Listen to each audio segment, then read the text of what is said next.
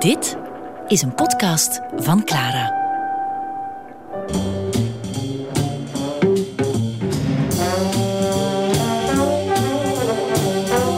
De sporen van Klaus. Wat zal me druk maken? Die, die armzalige paar jaar dat ik nog leef. En dan de 50 jaar die nodig zijn voor een paar eh, mensen die bloemlezingen maken. Nee, de glimp in de ogen van een jonge bruid van 17. Die krols wordt als ze twee regels van mij leest. Meer wens ik niet te verlangen. Oor en mond zijn verwisselbaar. Samen haar groet in mijn... Samen haar groet in mijn keel. Hugo Claus is tien jaar overleden. We gaan op zoek naar hem. Bij wie hem heeft gekend, bij wie hem leest en wie hem nog zal lezen. De sporen leiden naar Klaus zijn eigen prachtige stem in ons gigantische archief. Hoe klinkt Klaus vandaag? Dat spoor volgen jonge theaterhonden die in deze radioreeks aan de slag gaan met zijn werk. Zo'n duister type. Vandaag Hugo Claus en de vrouwen. We zitten in Sint-Rembert. Dat is een PEDA voor mensen die uh, de opleiding le leerkracht volgen. Ooit een keer, een paar jaar terug, twee of drie jaar geleden, naar een voorstelling gaan kijken van uh, een boek van hem, De Verwondering. En dat is eigenlijk het enige dat ik heb met Hugo Claus. Ik heb nooit een boek gelezen. Ik heb dyslexie, dus ik heb het al moeilijk met lezen. Dus ik ga al zeker geen zo'n kanjers lezen. Maar ik ben wel die voorstelling gaan kijken en ik vond het wel een prachtige voorstelling. Hugo Claus. Een passionele foto. 19 december, 19 december van 1949, ja, dat is al lang geleden. Uh, met een vrouw. Zo'n duister type. Ja. Lange mantel. Maar in het zwart, maar ja, ik weet ook niet of dat, dat door de zwart-wit foto is. Ja, maar je ziet er like, echt niet heel uit. Nee. Oké. Okay. Een vrij timide man ben ik zo. James Bond-achtig. Echt een profiteur. Doordringend. Frequente roker. Ik zou niet op mijn gemak zijn. Het is niet liefdevol. Nee. Het is meer gewoon voor de seks, denk ik, dat hij met haar samen is. Ja, uh, mijn toneelleerkracht heeft daar juist nog verteld dat ze nog een kus heeft gekregen van Hugo Claus in Antwerpen toen dat hij dement was. En was daar werken in het Hugo Claus Centrum, denk ik. Ze vond dat hij er heel verward uitzag. Dat hij echt niet meer wist, want hij vroeg ook hoe denken de mensen over mij. En ze zei ook ja, dat hij eigenlijk bijna echt niets meer van de wereld wist. Dat hij bijna helemaal weg was. En dat hij kort daarna dan de beslissing heeft genomen om euthanasie te plegen. Enough. In winter their lips sleep. In spring they lie flat at the first one. Wie was Hugo Claus volgens Veerle de Wit? Hij zei ook altijd, ik rook als een meisje. Zijn weduwe. Omdat hij niet inhaleerde. en zijn redactrice Suzanne Holzer. Niet klein. Hij was gewoon groot. Dus klein bestaat niet. Hoe liet hij zich inpakken door radiovrouw Betty Mellaerts? Oh, je wil alle mooie vrouwen? Nee, ja, natuurlijk. Nog nee, nee. Wat denkt biograaf Mark Schavers nu over hem? De Hugo? Dat is de Hugo. Zo is de Hugo. En schrijver, schilder en vriend Jan van Riet. Een aura, dat is het. Dat aura. Als ik aan hem denk, gek genoeg denk ik dan uh, heel vaak aan een foto van Herman Selleslags, waarbij hij met zijn vinger onder zijn neus een echt een, een jongensachtige lach onderdrukt. Hele leuke foto. Een lachende foto. Ik lach om mezelf. Dat is een beeld wat ik uh, heel vaak terugzie en, en, en hoe ik vaak aan hem denk. Zodat, uh, ja, dat relativerende en lachen. Dat, dat, lachen. Dus ik denk, ik denk nooit aan hem in, als ernstig. Die foto is, van Herman is, is erg typerend voor hem en, en is wat in mijn hoofd zit. Toujours sourire. Dus hij zou, al zou hij het uh, enorm vervloeken als hij voor zijn gevoel niet had gewonnen, hij zou dat nooit laten blijken. En hij zou het zichzelf eigenlijk ook niet toestaan. Hij zou altijd weer zichzelf daar bovenuit werken. Nee, ik denk dat hij zich. Ja, hij, hij mee dat hij uh, klein in, seniel, of weet ik hoe hij het noemde. Dus hij bagatelliseerde zichzelf, maar dat was natuurlijk eigenlijk alleen maar om het tegendeel te bereiken en om, om, om, om dat te bezweren dat hij dat was. Dus, uh, en dat, dat kon hij goed. Wilskracht was absoluut uh, hierin. Uh, ja, ik denk dat hij en veel op wilskracht heeft gedaan, maar ook toch. Hij was gewoon zo. Die enorme. Niet klein, hij was gewoon groot. Dus een klein bestaat niet. Nochtans heeft u ooit gezegd: Ik heb altijd willen schrijven. Ik heb altijd graag rijk willen zijn. Ik heb altijd graag mooie vrouwen willen hebben. Dat heeft u allemaal gehad. Dan moet u nu toch een gelukkig ja, man zijn? Nee, maar nee, want er zijn er nog zoveel. Nee. Oh, je wil alle mooie vrouwen? Nee, ja, natuurlijk. Nog nee, nee. Nee, ik ben, uh, ben te zeer gehavend door het leven om deze droom nog te zien gebeuren. Maar hindert dat bij het uh, schrijven gelukkig zijn? Wat, de gedachte aan mooie vrouwen? Nee. Altijd, ja.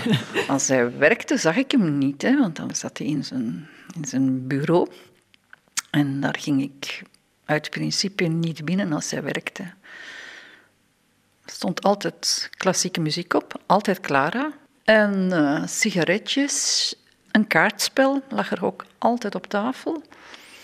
Als het even niet ging of als hij moest denken, dan legde hij een patience, waarvan ik vermoed dat, dat hij soms vals speelde met zichzelf, maar dat vermoed ik, dat kan ik niet bewijzen.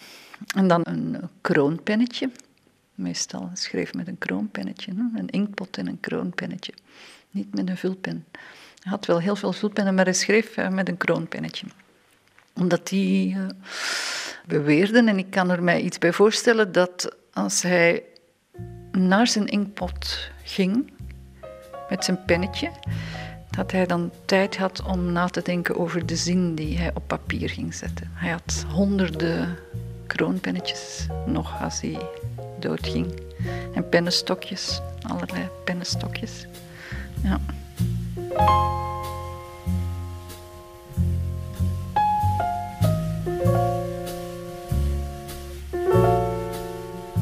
Ik heb me al zo vaak voorgenomen om gewoon, uh, ik zeg maar wat, om acht uur s ochtends te beginnen als een goede kantoorklerk tot, uh, tot s middags. En dan de hele namiddag en de avond achter de wijven aan te zitten, of weet ik veel in de baars te zitten, dan zou ik een, een heerlijk leven hebben. Maar nee, uh, dat is rondhangen en uh, ja, uitstellen. En heel moeizaam komt dat dan op dreef. Uh, dat soort werk wat ik doe, doet beroep op, ehm, op heel veel onbekende factoren. Dus je, je pleegt bijna doorlopend een soort roofbouw op jezelf. Je, je sensaties, eh, de dagelijkse uh, overdenkingen, mijmeringen en, en ervaringen, die, uh, er is een soort machine die dat probeert te verwerken. Misschien dat weinig mensen zich dat realiseren. Ik ben uh, back-off na, na een uur schrijven. En ik denk dat als ik me zou wegen, wat ik niet doe, omdat ik dat vooral niet onder ogen wil zien, maar dat ik best een, een kilo kwijt ben.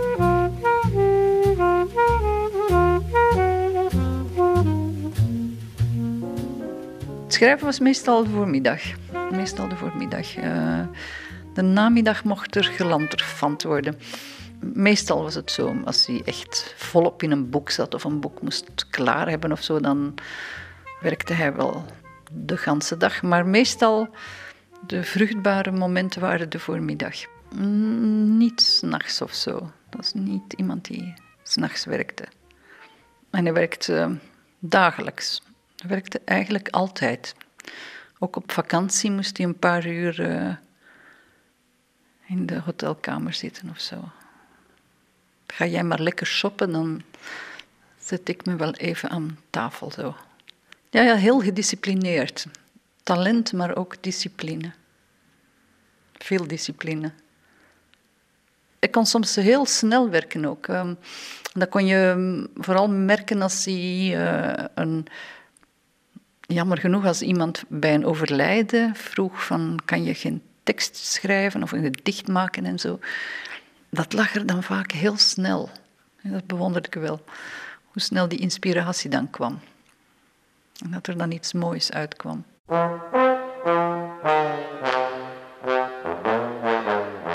Over het algemeen naar buiten toe laat ik de meer zelfgenoegzame kant van mezelf zien. Dat, eh, is het mooiste panzer wat je kunt hebben. Maar ehm, in wezen eh, zie ik het allemaal maar heel somber in wat, eh, ehm, wat mijn producten betreft. Het enige wat ik tegenover kan stellen is, ik heb mijn best gedaan. Beter kon ik het niet. Maar als ik dan een enkele keer de, de genade van Hadewig of van, eh, van dichters die ik zeer bewonder, ehm, als, als ik dan die, die, die ja, bijna volmaaktheid eh, over mij laat komen, eh, dan kan ik niet anders dan, dan mokken en treuren.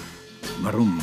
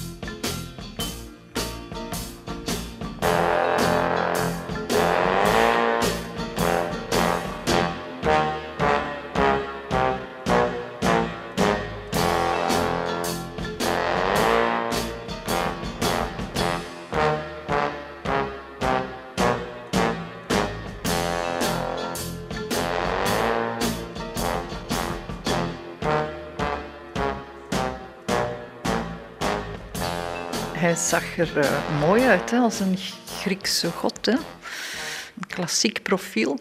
Hij, hij had toch een Grieks profiel, als je, als je in profiel bekijkt. De, de neus en eh, ja, vond het een mooie man. En eh, mooier naarmate hij ouder werd, vond ik, ja. Vond hem jong iets te rond. Dat is ook een permanente obsessie, zijn gewicht. Hij was erg gewichtsbewust. Maar hij heeft eh, karate gedaan. Ja, ja, ja, ja. Hij was heel sportief hoor. Ja, en eh, tafeltennis was hij heel goed in en hij fietste erg goed. Ja. Ik denk dat de handen meestal, of één hand meestal rond de sigaret zat. Roken. Hij zei ook altijd, ik rook als een meisje. Omdat hij niet inhaleerde. Dan rookte hij heel, eh, ja, zo heel zuinigjes. Hele lichte sigaretten, dunnetjes, vogue. Zoals een meisje, dat zei altijd, ik rook als een meisje. Ik spreek tientallen mensen eh, over Hugo Claus eh, voor die biografie. En dan valt mij telkens op dat nergens de versplinterde Hugo aan bod komt. Wel in zijn geschriften, in zijn interviews en zo. Het is overal en altijd de Hugo, die ze wel kennen, zo is hij. Dat is de Hugo. Zo is de Hugo. Ik bedoel, zelden, ik bedoel, dat je zal over heel veel mensen tegengestelde opinies krijgen dan over Hugo Claus. Hij was lichtgevend, dus je zag hem eigenlijk niet. En dat heeft te maken met al die facetjes, dat dat naar buiten straalt. Dus dat het niet iemand is die alleen maar zelf zijn eigen vaste gestalte eh, opeist en zich daar bewust van is. Maar iemand die altijd nieuwsgierig is en altijd op de buitenwereld gericht en altijd bereid ook om te geven naar daar waar hij het moeite waard vond.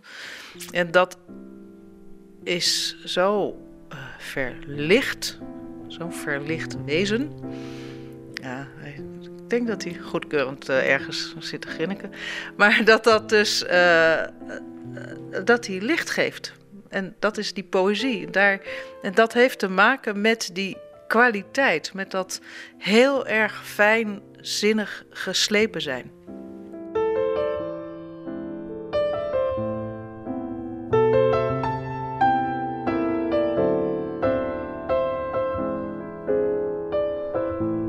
Ik zou je een lied in het landschap van woede willen zingen, Livia, dat in je zou dringen, je bereiken in je negen openingen, blond en rekbaar, hevig en hard. Het zou een boomgaardlied zijn en een zang van de vlakte, een eenmanskoor van schande, alsof mijn stembanden mij ontbonden ontsprongen en je riepen, alsof in dit landschap dat mij vernedert, in deze huizing die mij schaadt, waarin ik op vier voeten dwaal, wij niet meer ongelijk verschenen en onze stemmen sloten. Ontspring in loten, nader mij die niet te naken ben, wees mij niet vreemd, zoals de aarde, vlucht mij niet, de manke mensen. Ontmoet mij, voel mij, plooi, breek, breek. Wij zijn de weerwind, de regen der dagen. Zeg mij wolken, vloei open, woordenloos, word water. Ah, dit licht is koud en drukt zijn hoornen handen in ons gezicht, dat hapert en zich vouwt. Ik zou je een boomgaardlied willen zingen, Livia. Maar de nacht vult mijn vlakte steeds dichter dicht. Bereiken kan ik je niet dan onvervuld. Want de keel van de mannelijke herten groeit toe bij dageraad.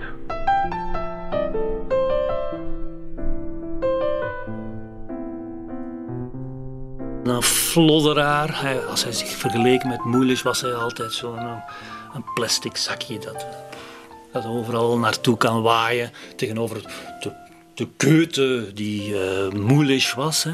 Tegelijk had hij het ook wel het zelfbewustzijn van... Ik, ik, kan het zonder standbeeld doen. Ik ben Goethe genoeg zonder, zonder dat standbeeld. Hij had zeker geen, geen lage dunk. Dus uh, hoe hij... er niks van gebakken heeft van zijn leven ook eigenlijk. Hè. De levenskunstenaar die hij wou zijn, de, de veelvraat, de Bourgondier, uh, maar die, die dan wrong met, met, met de schrijver en, en ook ja, eigenlijk ik kan, niet, ik kan niet leven, zou hij ooit aan Ellie Overzier gezegd hebben. Dus ook daar die twijfel, ja, de bon vivant die tegelijk daar de diepste vertwijfeling heeft. Dus heel dat vat vol tegenstellingen. Uh, en, en dat is een beeld dat hem ook wel lag. Als hij bij Saint-Amour zich omringde met, met, met schrijvers, dan, dan, dan wist hij toch wel zijn plaats aan het hoofd van de tafel hoor. Dan ging hij toch als Christus te midden van zijn discipelen zitten. Ijdelheid, nee, ik, ik heb het over mijn heilig zijn, niet ijdel. Nee, ijdel, uh, ik heb geen enkele reden om, om ijdel te zijn. Uh, dat is iets voor de jeugd. Dat is iets voor, voor uh, ongeveer tussen de, de 16 en de, de 23. Daarna is ijdelheid gewoon bespottelijk, want die ijdelheid moet vervangen worden door hoogmoed. Een zeer gerechtvaardigde hoogmoed. Ik mis echt zijn verschijning, zijn warmte. Zelfs al kon, kon, hij niks zeggen, maar vond ik, het was prettig dat hij erbij was. En er was voldoende een soort compliciteit. Zo. Aan weinig woorden veel zeggen. En langs de andere kant de briljante opmerkingen die soms gemaakt werden, of, of de, de, dingen waar dat hij kon op patent maken, al dat soort dingen. Het is heel moeilijk om zoiets te beschrijven, een, een algemene sfeer die van iemand uitstraalt. Een aura, dat is het. Dat aura. Dat je je kan verwarmen aan het aura van een ander. En dat mochten wij. Wij, wij mochten ons verwarmen aan zijn gulheid. Si tendre de nos deux corps, rien qu'à l'entendre, tremblent encore et sans attendre pour nous griser, venez, venez danser le plus beau de tous les tangos du monde. C'est celui que j'ai dansé dans vos bras. D'autres tangos à la ronde, mais mon cœur n'oubliera pas celui-là.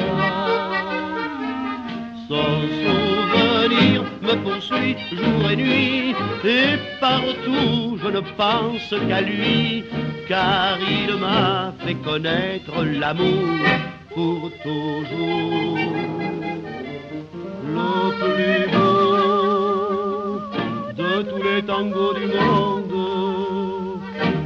C'est celui que j'ai dansé dans dagen bracht ik door in een hotel. Helemaal toevallig. Omdat eh, ik in Oostende was beland. Via een man waarvan ik de vrouw gekend had. Klinkt ingewikkeld, maar dat was een criminoloog... die tijdens de oorlog eh, in Duitsland gestudeerd had. Een heel loes, verdacht personage. En eh, die, die bezat een hotel. L'Hôtel de Londres. En dat was op de dijk in Oostende. En ik ontmoette hem in een café. Uh, we beginnen te praten. Dan blijkt dat ik zijn vrouw gekend heb. Zijn vrouw die zelfmoord gepleegd had. Of misschien door hem de trein uitgegooid. Dat, uh, dat weet ik niet. En hij vond mij de moeite waard om mee te kouten. Dus uh, hij stelde voor dat ik zou blijven logeren hem. Nou, dat kwam goed uit, want ik had op dat moment geen, geen woning. En daar ben ik blijven wonen. Hij heeft me dus niet alleen onderdak, maar ook eten gegeven. En als de avond viel, dan uh, zei hij... kom, we gaan naar de meiden. En dan uh, was het champagne voor alle dames. En ze mochten vooral ons niet lastigvallen... want wij, wij waren net bezig met Kierkegaard of Heidegger te bespreken. Dat heeft een jaar of drie geduurd. En dat was een vrij aangename tijd in mijn leven. Roger Hermans, de uh, eigenaar, advocaat, eigenaar van het Hotel de Londres, waar hij zogenaamd, Hugo dan, zogenaamd gratis jaren zou gewoond hebben. Dat gratis, dat is, klopt uh, zeker niet. Nee. Uh, maar goed, het was wel iemand, een fascinerend iemand. Hè? Het, was, het was iemand die, ja, voor, voor die man was heel zijn leven een experiment, hè? een avontuur. Klauskenner Georges Wildemeers. En daar heeft hij het telkens weer, ja, de, de, ik zou bijna zeggen, de randen van opgezocht. Hè? Van hoe, hoe, hoe extreem kan ik het maken, zodat, terwijl het toch nog altijd binnen de wet blijft, zou ik zeggen. Maar ja, binnen de wet. Het was een man die in de oorlog gecollaboreerd heeft, die uh, woordvoerder was van de SS bij ons. En niet alleen woordvoerder van de SS, maar ook een lid van de Sicherheidsdienst in uh, Rijssel. Want hij was geboren in 18 in Rijssel. Dus hoe dat precies zat en hoe die man, uh, wie dat precies was en hoe die ja, precies terechtgekomen is waar hij terechtgekomen is. Het is een man die heel veel avontuurtjes heeft meegemaakt, avonturen heeft meegemaakt, die geweldig, ja, volgens Klaus geweldig intelligent was en geweldig veel charme had bij vrouwen. Ja? En die daar alles mee gedaan kreeg. En waar Klaus door gefascineerd was, het was door dit soort avontuurlijke bestaan, dat soort zich smijten in iets. Ik bedoel, 100, nee, 1000 procent gewonnen voor gaan. Ook als het, ook als het totaal, totaal debiel was wat je deed en wat het resultaat was. Hè. Klaus had er ook iets van hoor, van dat soort smijten. Hè. Ik bedoel, tijdens de oorlog heeft hij dat ongetwijfeld gedaan, die totale inzet ook. Maar ik denk dat Klaus anderzijds ook niet, uh, ja, niet bang was om, uh, om een aantal dingen te doen waarvan anderen zouden zeggen van zou je dat wel doen? Ik ben een tijdje dus aan, aan, het werk geweest in uh, nogal lugubere omstandigheden. Waaronder vrij ja, intensief werk in de suikerfabrieken van het noorden van Frankrijk. Of, um, of nylon kousen smokkelend toen ik in Oostende woonde. Dus ik, ik had een, een vrij uh, losbandig leven, is niet helemaal. Maar mijn grote ambitie was toen uh, gigolo te worden van een, een mooie, rijke dame die mijn, mijn lichaam zou kunnen waarderen. En dat is me een paar keer gelukt. Klaus-kenner Georges Wildemeers heeft de jonge jaren van de schrijver uitgeplozen. Naderhand beschouwd denk je van alles is gelopen zoals het had moeten lopen. Kon hij zich maar laten onderhouden door de vrouwen. De wellust, zoals het moet bedreven worden. Daar droomde Klaus in Oostende al van. Eén groot matras. En dan in Parijs. We hebben al twee weken niet geneukt. Daarover journalist Piet Pirijns, die dicht bij Klaus stond. Dan moest iedereen dan horen. Zodat Klaus kon dichten. Ik schrijf je neer. En Amai nog niet. Dat weet dichter Peter Verhelst. De heel duidelijke seksuele, erotische beelden, die je dus niet alleen met, met, uw, met uw geest leest. En de Nederlandse gedichtenbloemlezer Ilja Leonard Pfeiffer. Een soort van aardsheid, een zintuigelijkheid die heel erg dwingend is. Mijn eerste was niet, dat was niet zo'n helder feit, want dat was een vriendin van mijn moeder. En eh, die was weduwe geworden, haar man was eh, in Duitsland ehm, omgekomen. En eh, ja, die, die, die stortte zich op mij. En ik had toen een, een huisje in Sint Maartens Latem. Maar goed, dat, dat betaalden ze. En, en nam mij mee naar, naar feestjes, naar enfin, dure restaurants en zo. Leerde me wijn drinken en leerde me ook eh, ehm, de wellust, zoals het moet bedreven worden. Moet ik me dan een tamelijk mooie, chique vrouw Eh, voorstellen? voor, voor mij was ze iets te oud, maar ze zal, ze zal 32 geweest zijn of zoiets. Ja. Maar voor mij was dat. Nee, in mijn verbeelding van de gigolo moest het ook een, een, een oudere dame zijn, natuurlijk. In Oostende was ik bijvoorbeeld. De, de gigolo zoals je hem in hele slechte films ziet. Namelijk, dat was een stripteaseuse. En eh, een, een, zwarte. En eh, dan kon ik in de, in de bar eh, wachten tot ze klaar was en zo.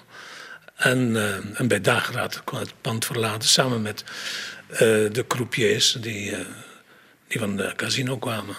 Nou, dat was wel een goede, een goede basis om, eh, om later te fabuleren en het in literatuur om te zetten.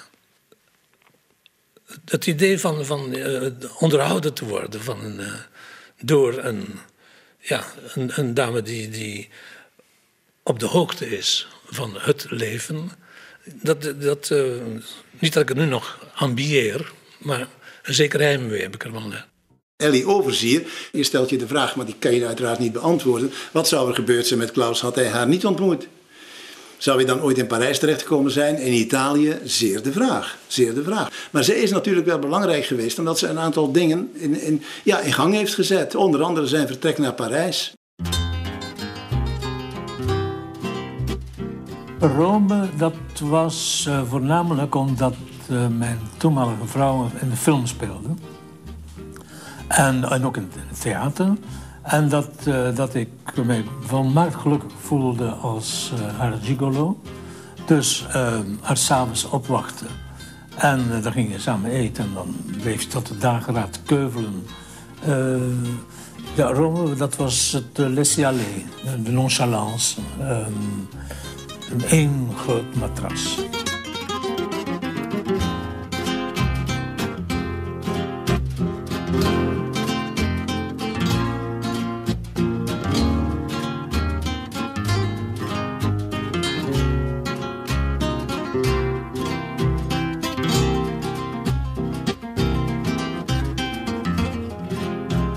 Naderhand beschouwd denk je van alles is gelopen zoals het had moeten lopen.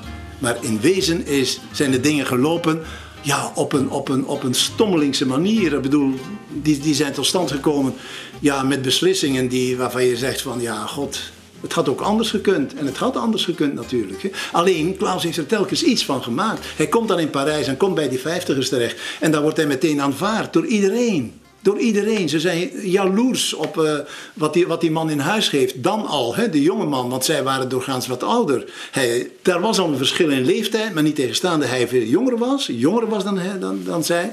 Ja, niet tegenstaande dat, was, had hij toch al meer cultuur en meer beschaving ook. Hè, en meer savoir-vivre. Dat ook. En meer kennis van het Frans. Want daar, daar kwam natuurlijk weer zijn Zijn opvoeding in die kostschool. Want het was een tweetalige school. Daar kwamen Vlamingen en Walen samen.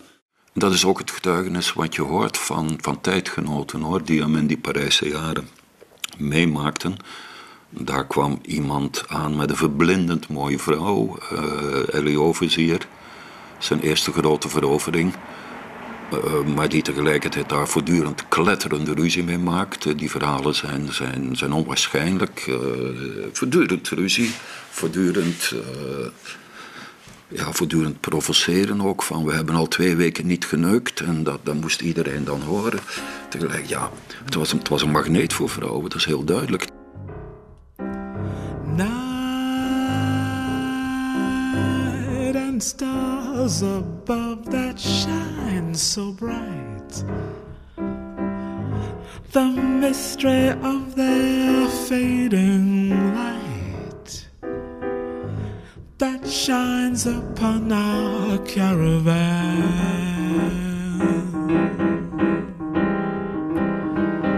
Sleep upon my shoulder as we creep across the sands that I may keep the memory of our caravan.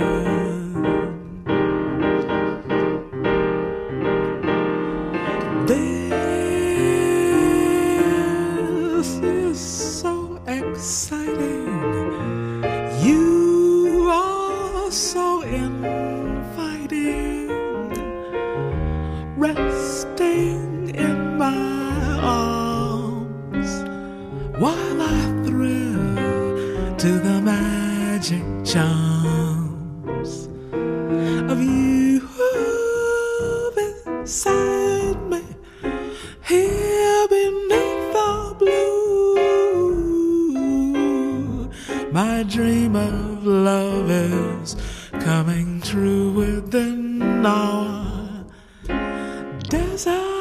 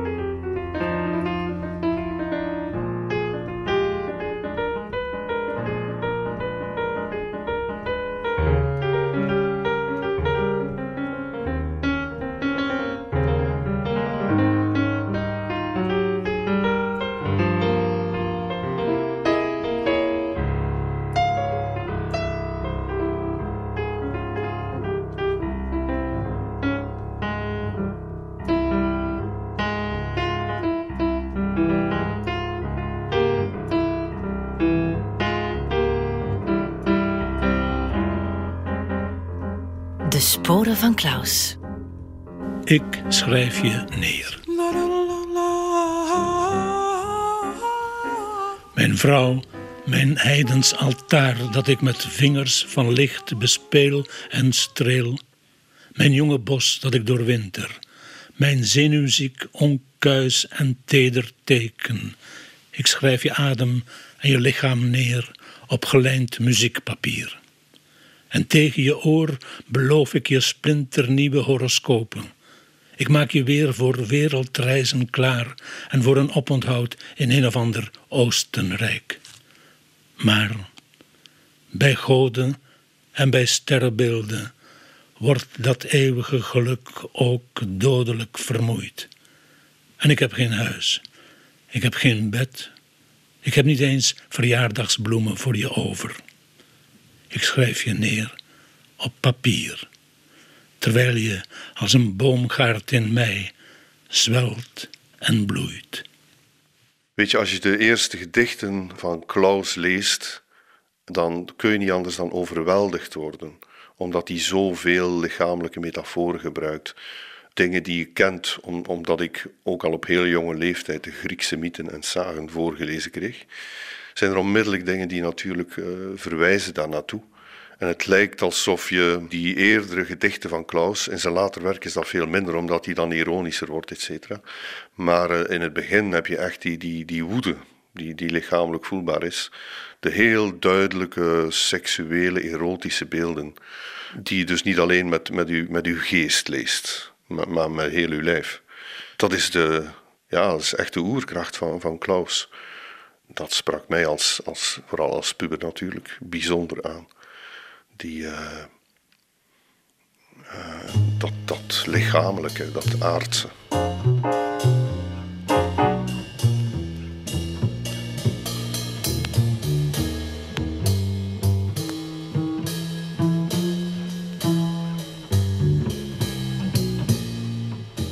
Naakt bekken, heldere césuur. Ik ben alleen en hol tepels en het landhuis van je lenden. Ik ben uitgehold, ik dans alleen. Kwetsuur en wier. Elk glazuur schilfert aan je ledematen af. Je Spaanse huid in vlokken barst. Ik ben hol en hard tot in de mijnschacht en het sabel van je heimelijk haar.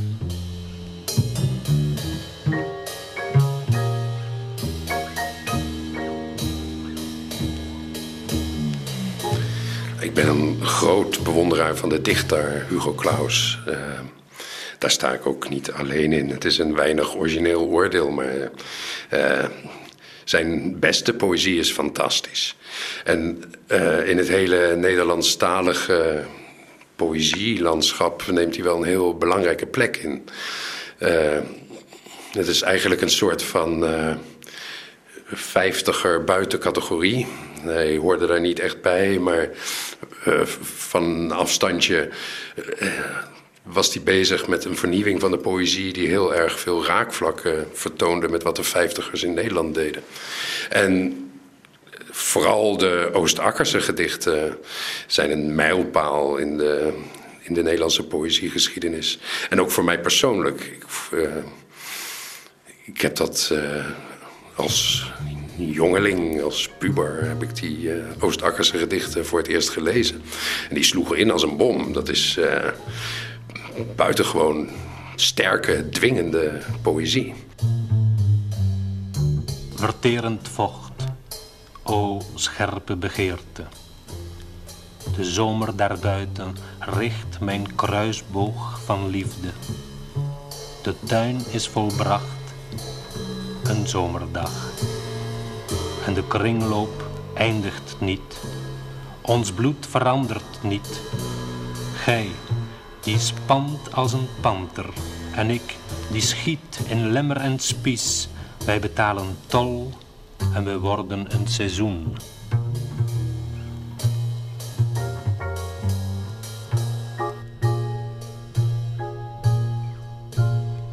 Ik vind muzikaliteit van cruciaal belang in poëzie.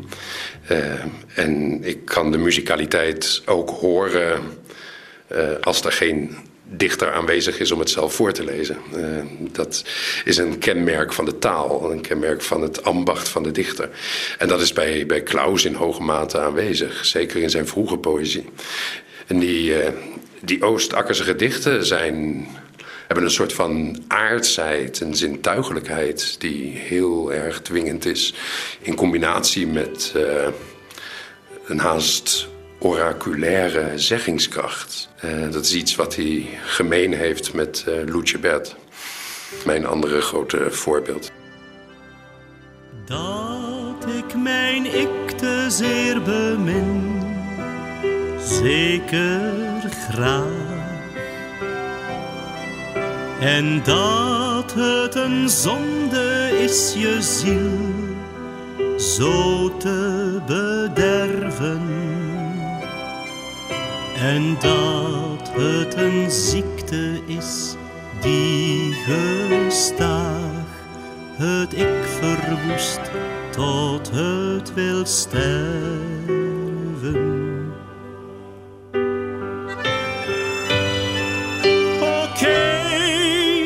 Dan mag ik een spiegel als maat. Dansen tot ik al mijn tonen ken.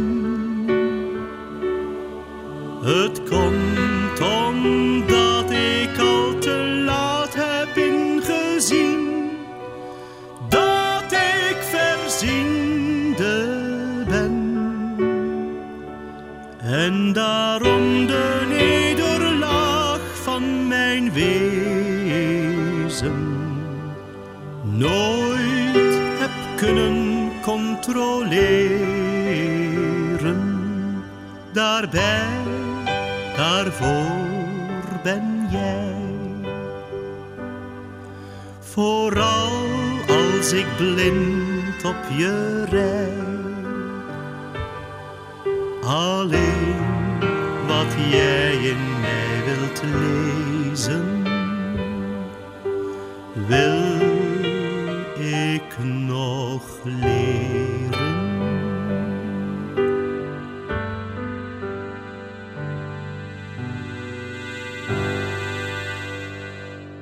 Poëzie gaat niet over gevoelens of over ideeën, gaat uitsluitend over woorden.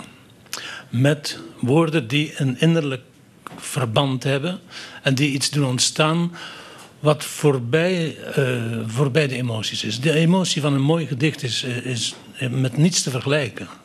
Althans, in mijn geval. En ook niet met, met gruwelijke dingen. Maar achter die woorden zitten toch gevoelens? Wat Ja, ja maar dat is, van, maar dat, dat, eh, is? dat is van, van, van, van minder belang. Eh, als je een heel mooi gedicht leest, is het niet die, die wanhoop of die emotie van die dichter die je zegt: Oh, wat een, wat een schitterende muziek die zoveel emoties inhoudt. De grap is dat er, dat er ook woorden door Klaus gebruikt zijn die je nooit meer kunt gebruiken. Het woord klem is daar natuurlijk het grote voorbeeld van, waarmee hij verwijst naar het eh, vrouwelijke geslachtsorgaan. Kun je nooit meer gebruiken, omdat het zo Clausiaans is bijna. Eh, Dat, dat vroetende, eh, oplaaiende, heidense, al die, die woorden die daarmee te maken hebben, die verwijzen naar, naar eigenlijk de, de, de meest seksuele woorden, heeft hij geclaimd. Ehm, wat ik leuk vind natuurlijk, dat je die niet meer kunt gebruiken. Je moet dan maar iets anders eh, weten te vinden. Maar ook eigenlijk heel die, die sfeer bijna. Het zweet, truikt, eh, het riekt. Het gaat niet over verheven liefde, maar er wordt geploeterd. En eh, dat is een heerlijke poel om je in te wentelen natuurlijk. Het, plezier van het maken. Het jongetje dat, dat, dat prutst en foefelt en vlekken maakt. En uit die vlekken maakt hij een beest. Die speelvogel eigenlijk, die ook alles toelaat, slecht of niet bedoeld, staat erin. Laat ons zeggen, rafelige dingetjes om, om iets zijn leven te laten en om een tekst niet dood te laten zijn.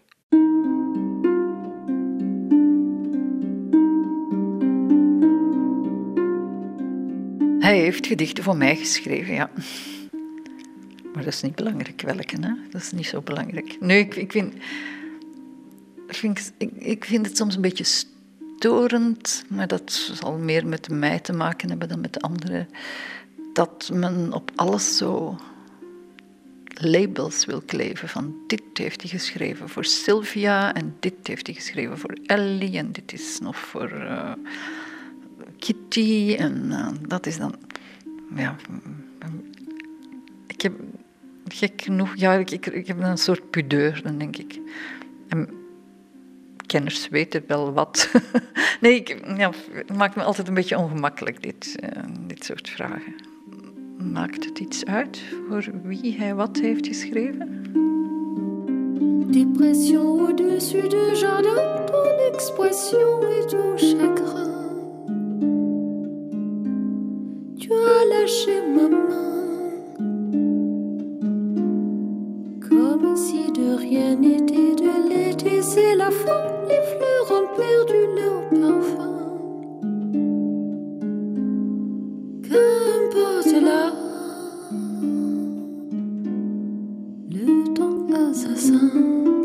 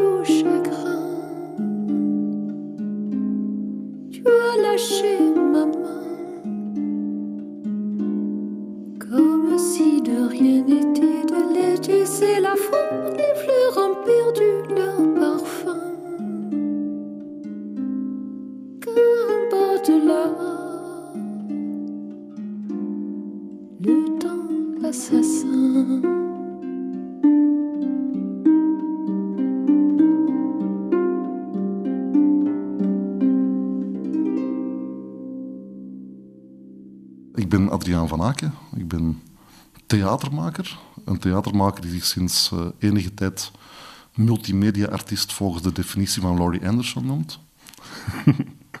en ik ben voor Clara aan de slag gegaan met Klaus. Met als insteek, hoe klinkt Klaus vandaag? En daarvoor hebben we een fragment geselecteerd uit Het Verdriet van België. Een fragment... eh, eh, ja, om, om eigenlijk een stukje luisterspel mee te maken. Eh, op de wijze van het Nieuwstedelijk, dat is het gezelschap waar ik toe behoor. En waarbinnen wij heel erg bezig zijn met spreken op muziek. En een gelijke kansenbeleid proberen te voeren voor tekst en muziek. Hey, ho, ho. Dat is toch ook West-Vlaanderen. Ho, hey, ho, ho. Hoewel er streng bepaald is dat niemand één woord mag zeggen tijdens de hele aanval. Ho, gasten. Hey, gauw, gasten. Gauw, gasten. Maar dan krijg je zo'n klauw... zo- Dat is iets wat ik mij ook herinner. Ik, mo- wij, wij hebben vroeger op de tolkenschool moesten wij een mooi Nederlands pratend voorbeeld kiezen en die dan gaan imiteren om tot een soort van eh, eh, mondstand te komen die, zonder dat je er moest over nadenken, neutraal klonk.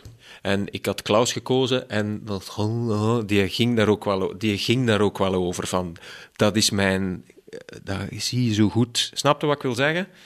Dus ik weet niet of dat interessant is om dat ook te, om dat te uit te spelen. Het is ook Of, een, een, een, een, of om eronder te leggen.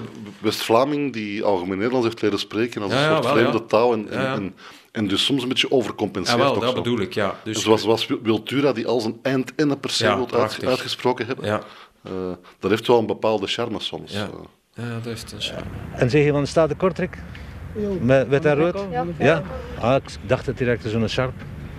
Ja. En wat sta je? Een bak voor zeker, zeg je? Nee? Linksben. Ah, linksben. Praat hij nou goed Kortrijks? Wow, zo en zo. Een beetje. Dat is niet jij. Ja, dat is natuurlijk. Maar je er ook niet, hè? Gewoon niet. Maar nee, het klinkt zo schoon, het is schoon Vlaams. We leren de school, hè. Altijd dat, hè? Ja, op. Dat school. Klaus in het Kortrijks tijdens zijn rondgang met Cees Notenboom in de stad van zijn jeugd, toen het verdriet van België verscheen. Adriaan van Aken en Jurgen Delnaat maken straks iets moois van een stukje over een non Zuster Sint-Gerolf. uit dat verdriet. De flamboyante vrouwen van Klaus. Ellie Overzier, de mooie redersdochter die hem meenam naar Parijs en Rome. Daar kwam iemand aan met een verblindend mooie vrouw, eh Ellie Overzier, zijn eerste grote verovering. Actrice Kitty Courbois, waarvoor hij naar Amsterdam trok. Het is ook een heel mooi bundeltje gedichten geschreven, Dag Jij. Er staat ook overal dat het voor mij is. En Emmanuel-filmster Sylvia Christel. Ondertussen hebben Hugo en ik een zoon gemaakt. En hebben wij toch een heel leuk jaar gekend als uh, huisgezinnetje.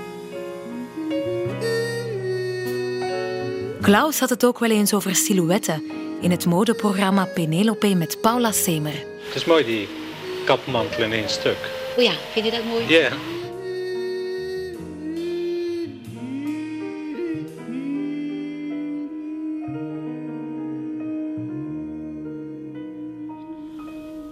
Ik bid dat geen vrouw uit jou vliegt, dat je buik verzegeld blijft.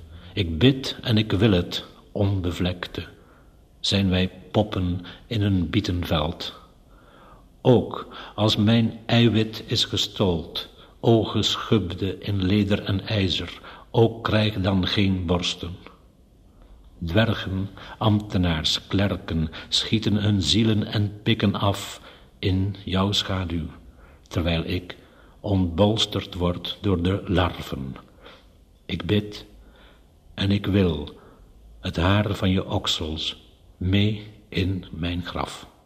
Meneer Klaus, wat is voor u mode? De mode is een verschijnsel waaraan, denk ik, niemand ontkomt.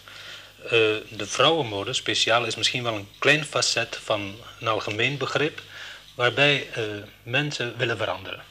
Mensen willen niet tevreden zijn met hun eigen huls, met hun eigen leven, hun eigen wezen, en zoeken altijd iets anders. Erg kort, vindt u niet? Wel, dat is de zeenzoekt van de dames naar een jonge meisjestijd. Alhoewel, het uh, vond ik toch wel aardig. Ja, Lolita, Lolita-complex waarschijnlijk. Ja. Ik heb die dan niet, want ik hou er helemaal niet van. Niets ridiculers dan als een uh, ietsje oudere dame van die nogal zwaarlijvig is daarmee rondloopt. Ja. Dit is mooi. Vindt u? Ja, ja, ja. Die gespikkelde kousjes, dat, uh, dat was wel nodig met de mini-jurken. Ja. Aandacht voor de benen. Helaas denkt een man alleen maar, daar staat een fortuin. Ja. En niet zozeer, daar staat een gekleurde nerts. En dan gaat hij naar Kitty Courbois in Amsterdam. Amsterdam was op dat moment, hij had zijn ontgoochelingen opgelopen in Vlaanderen. Hij had geen, uh, was geen theaterdirecteur kunnen worden in, in Gent en zo. Amsterdam trok, men vond hem daar meteen, uh, na het succes van De Bruid in de Morgen, ook van kom nog jong, kom hier. De commerciëlen trokken hem. Hij, is zelfs een positie aangeboden in, in, in de stad Schouwburg. Moelisch, Notenboom, dat milieu daar aard hij. Fons Rademaker, hij wordt daar ook snel de enige Vlaming die eigenlijk bekend is in dat ge, tijdsgevricht nog. Maar je ziet dus dan wel dat de liefde ook een factor is als hij plekken bepaalt. Uh, Kitty Courbois was dat in Amsterdam mede. Dan tilt Sylvia Christel hem uit die context uh, weg naar Parijs toe. De allereerste naaktscène die men u heeft opgelegd, of die u moest doen, waarom deed u die? Omdat het in het script stond. Uh, het is simpel als dat. Uh, uh, ja, ik moet er wel uitleggen dat ik aan Hugo Klaus, is dat trouwens, gevraagd heb of het wel een goed idee was om Emmanuel te filmen. En toen zei hij, maar natuurlijk moet je dat doen, want we zijn nog nooit in Thailand geweest. En dat leek hem wel wat. En hij zei dat die rol waarschijnlijk niet te veel van mij zou eisen, behalve dan mijn lichaam. En uh, ja, en hij zegt, uh, je hebt er ook nooit moeite mee gehad uh, als fotomodel voor badschuim of zo. En dus ik zat er ook verder helemaal niet mee. Nee, het is een kwestie van vertrouwen hebben in je cameraman, je regisseur, je, je directeur van de fotografie. En ja, en een mooi lichaam hebben natuurlijk. Ik denk dat Klaus de eerste popster is onder de schrijvers. Je moet maar eens uh, de foto's googlen waar hij in een bondmantel uh, rondparadeert, waar hij met Sylvia Christel in een hotelkamer op een bed neergevlijd ligt. Met een, met, met, met een blote Christel aan zijn zijde. My god, verder kun je het niet schoppen zo, in Medialand. En ondertussen hebben Hugo en ik een zoon gemaakt, Arthur. En ehm, hebben wij toch een heel leuk jaar gekend als eh, huisgezinnetje. Niet op Thailand, nee, nee. Toen waren we terug en eh, hebben gedurende mijn zwangerschap in eh, Amsterdam vertoefd. In het Doelenhotel, om precies te zijn. En waar, wat heel leuk was, omdat de kamer was goed, groot genoeg en gescheiden door een rood fluwelen gordijn waarachter Hugo zijn karate-oefeningen deed. En daar mocht ik absoluut niet naar kijken. Maar eh, dagelijks kwam een meneer Okada om vijf uur eh, op bezoek. En eh, ik hoorde de meest afschrikwekkende kreten. Ik geloof dat hij zover als een bruine band is gekomen. Daarna kregen we, dus Arthur was geboren, het eh, telefoontje uit Parijs dat die film een geweldig succes was. Vanaf de eerste dag stonden er rijen mensen op de Champs-Élysées voor eh, het theater eh, Le Triomphe, geloof ik dat het heette. En daar is hij 14 jaar, geloof ik, achter elkaar eh, getoond geweest. De star quality. Suzanne Holzer. Ja, dat had hij natuurlijk in hoge mate. Dat is natuurlijk het hele beroemde fragmentje wat al een miljoen keer is vertoond achterop de brommer bij eh, Sylvia of in zijn bontjas of zijn verhaal over Fred Astaire of weet ik welke Amerikaanse filmheld hij heeft ontmoet. En ehm, da- daar kon hij wel van genieten. Ik weet bij de geruchten was het groot succes. eh, was meteen eh, alle televisie, alle kranten. En moesten we naar een, ik denk een signeersessie of naar een interview. Maar ik weet dat ik met hem in een grote witte Mercedes zat. Dat we op de achterbank met alle kranten. eh, Dat we dan bij een benzinestation stopten en grote stukken chocola insloegen. En dus alleen maar daar nou enorm genoten als een soort ehm, wereldsterren. met die leuke recensietjes en die eh, toch wel het gevoel van succes. Ja, daar kon hij waanzinnig van genieten. Ja, dat zijn beroemde verhalen. Hè, van, eh er was de chauffeur, eh, chauffeur Alex eh, heet het soms in interviews. de, de kapster. De, Sylvia heeft achteraf wel eens gezegd... Zoveel volk was het nu ook weer niet. Maar het is duidelijk dat Hugo Claus een rol die hij geambieerd had van toen hij een jongen was. Hè, de, de gigolo van geef mij maar een vrouw die mij kan onderhouden en laat me dan een gedichtje schrijven.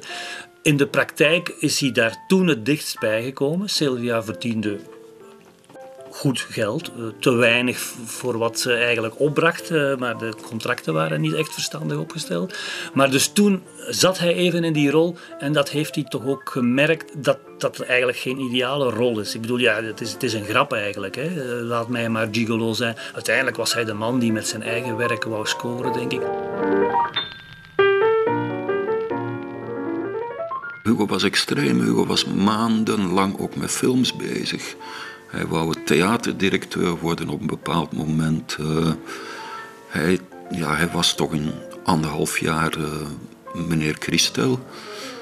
Dat eh, moet toch niet makkelijk zijn geweest. En, en dan in, weliswaar in een witte Cadillac met een zwarte chauffeur door Parijs gereden worden. En meetrekken naar Bali en Thailand. Daar een beetje op het strand liggen en je vervelen. En tegelijkertijd, nu, het staat al beschreven in de Koele Minnaar. eh, in, in, in de jaren 50 al. ehm, ja, tegelijkertijd, Hugo was een vat vol tegenstellingen. Ook met excuus voor dit cliché. Maar hij wou zich natuurlijk graag gedragen als een gigolo. Het was een van zijn rollen. Ik wil mij laten onderhouden door de dames. En tegelijkertijd wou hij een monnik zijn die iedere dag eh, zoveel pagina's schreef en die, die laboreerde aan een uivre. En hij had die twee blijkbaar nodig. Hij wilde ook altijd winnen. Hij, hij- was echt eh, beteuterd wanneer hij bijvoorbeeld... Hij was in het petanken wanneer hij verloor. Terwijl hij de beste petanker was van ons allen. En hij had een enorm goede techniek.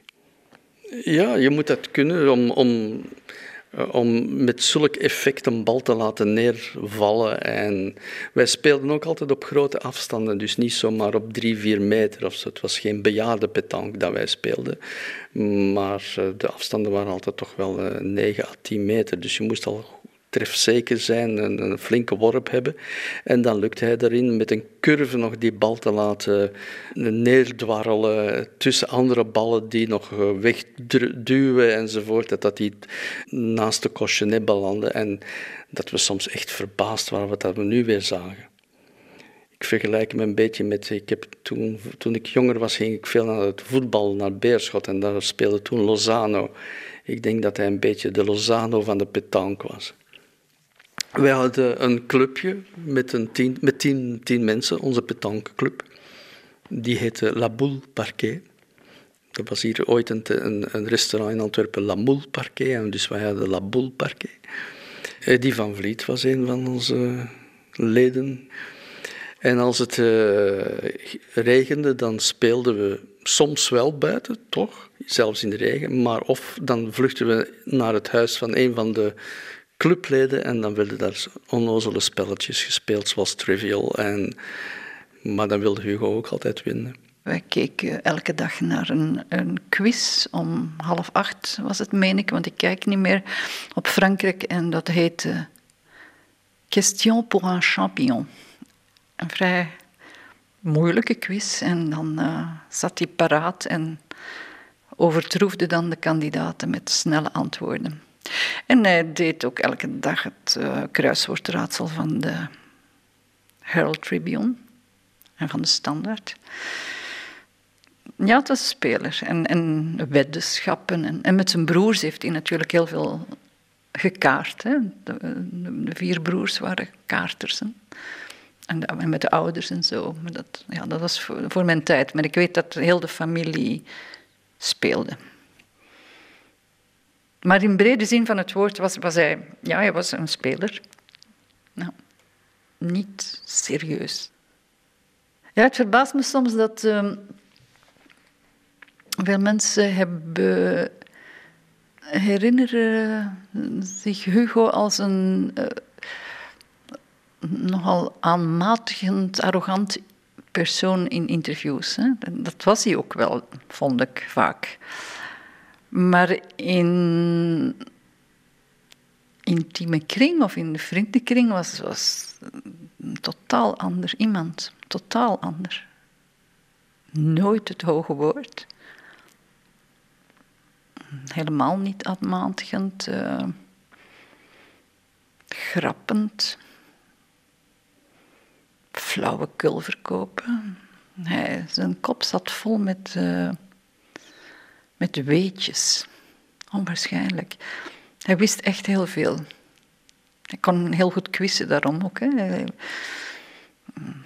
Van het mondaine nieuws tot eh, wie in welke film de derde plans eh, acteur is op de achtergrond. Kunstwerken in musea, literatuur. Ja, hij wist vrij veel.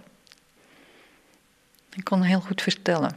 En voor hij begon te vertellen, zei hij ook altijd: Opa vertelt. En dan startte hij zijn verhaal. Opa vertelt.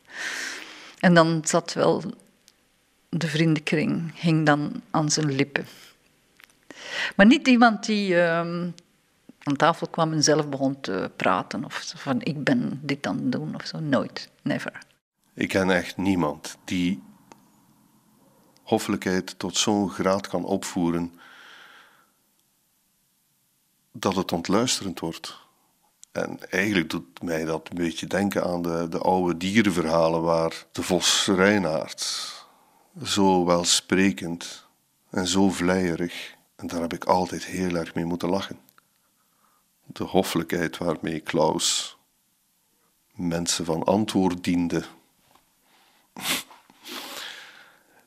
En tegelijkertijd is dat ook een beetje de Achilleshiel natuurlijk geweest. Nooit heeft iemand, denk ik, de indruk gehad dat hij ook maar kon doordringen tot wie Klaus was. De, de, Klaus was een, was een personage, denk ik. En hij had stemmetjes. Die, die, die weer klonken, die, die zodra er een microfoon in de buurt kwam, denk ik, had je een Klaus-personage. Maar het is handig om, eh, als, als karkas, enfin, niet, niet arka, pardon, als harnas, als karkas. Een, een woord, kijk, karkas. Eh, als harnas om de, om de mensen op afstand te houden. Misschien was het wel een uiterst gevoelige geest, denk ik soms. En dan helpt het om eh, de mensen op afstand te houden door allerlei personages, of de vorm van personages aan te nemen. Hij had zo'n Boeddha-kant. Hij zou, graag een Vlaamse Boeddha, Boeddha-boer, boer-Boeddha zou hij graag geweest zijn. Eh, zo die, die berusting hebben. Eh, maar anderzijds woede, eh, die, die, die, van, van jongs af aan eh, kunnen opsteken is. Rancune soms ook, hardheid in relaties, ah, snijden, kut. Eh, Alle, al zijn vrouwen hebben dat ongeveer gezegd van... eh, eh, er kan een moment komen dat het werkelijk onverbiddelijk is.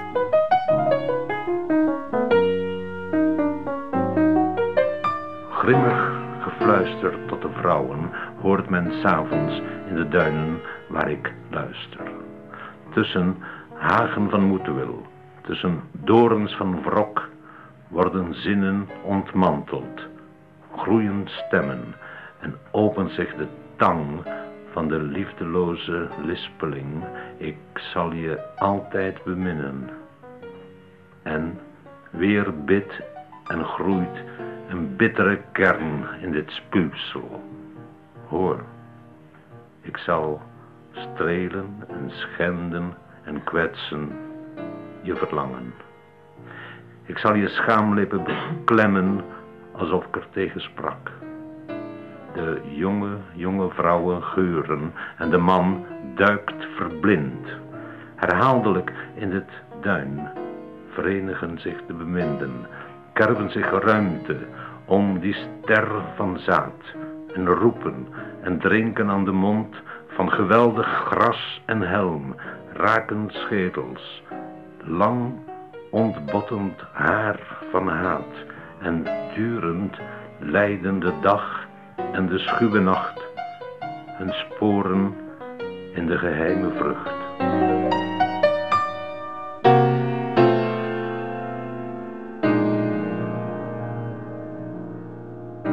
Hield van oesters, maar was zelf natuurlijk een gesloten oester. Wat dat betreft, eh, je kon peuteren wat je wilde.